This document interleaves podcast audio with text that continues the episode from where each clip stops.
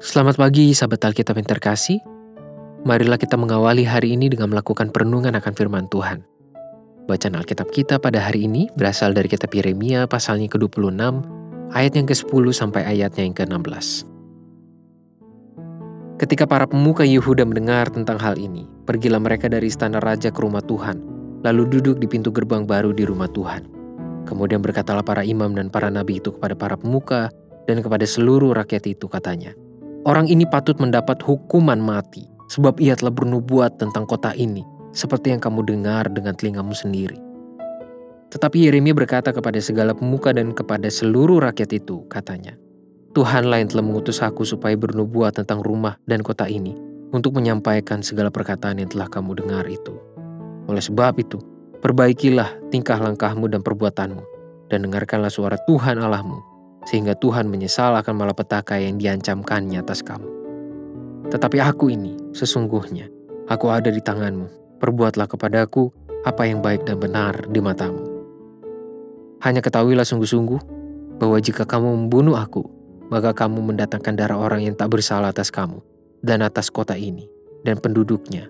Sebab Tuhan benar-benar mengutus aku kepadamu untuk menyampaikan segala perkataan ini kepadamu.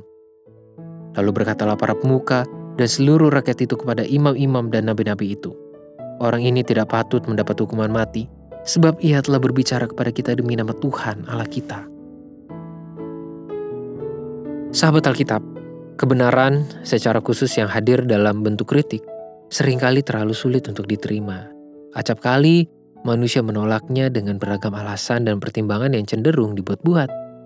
Bahkan, tidak jarang seseorang menolak kebenaran meski di dalam dirinya ia mengetahui dan mengakui kebenaran tersebut.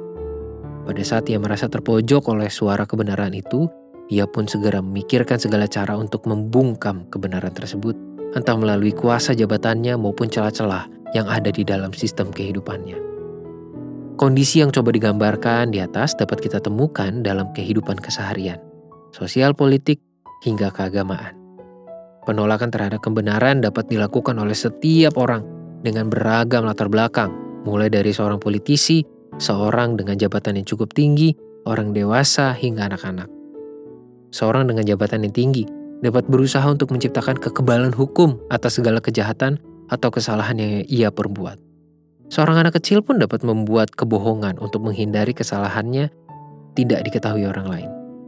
Artinya, setiap manusia di segala umur, posisi, dan kondisi hidupnya selalu memiliki kecenderungan, peluang, dan kemampuan untuk menolak kebenaran yang dianggap tidak memihak kepada dirinya. Oleh sebab itu, sangat penting bagi seorang manusia untuk memiliki keterbukaan yang siap untuk menerima dan mendengar kritikan.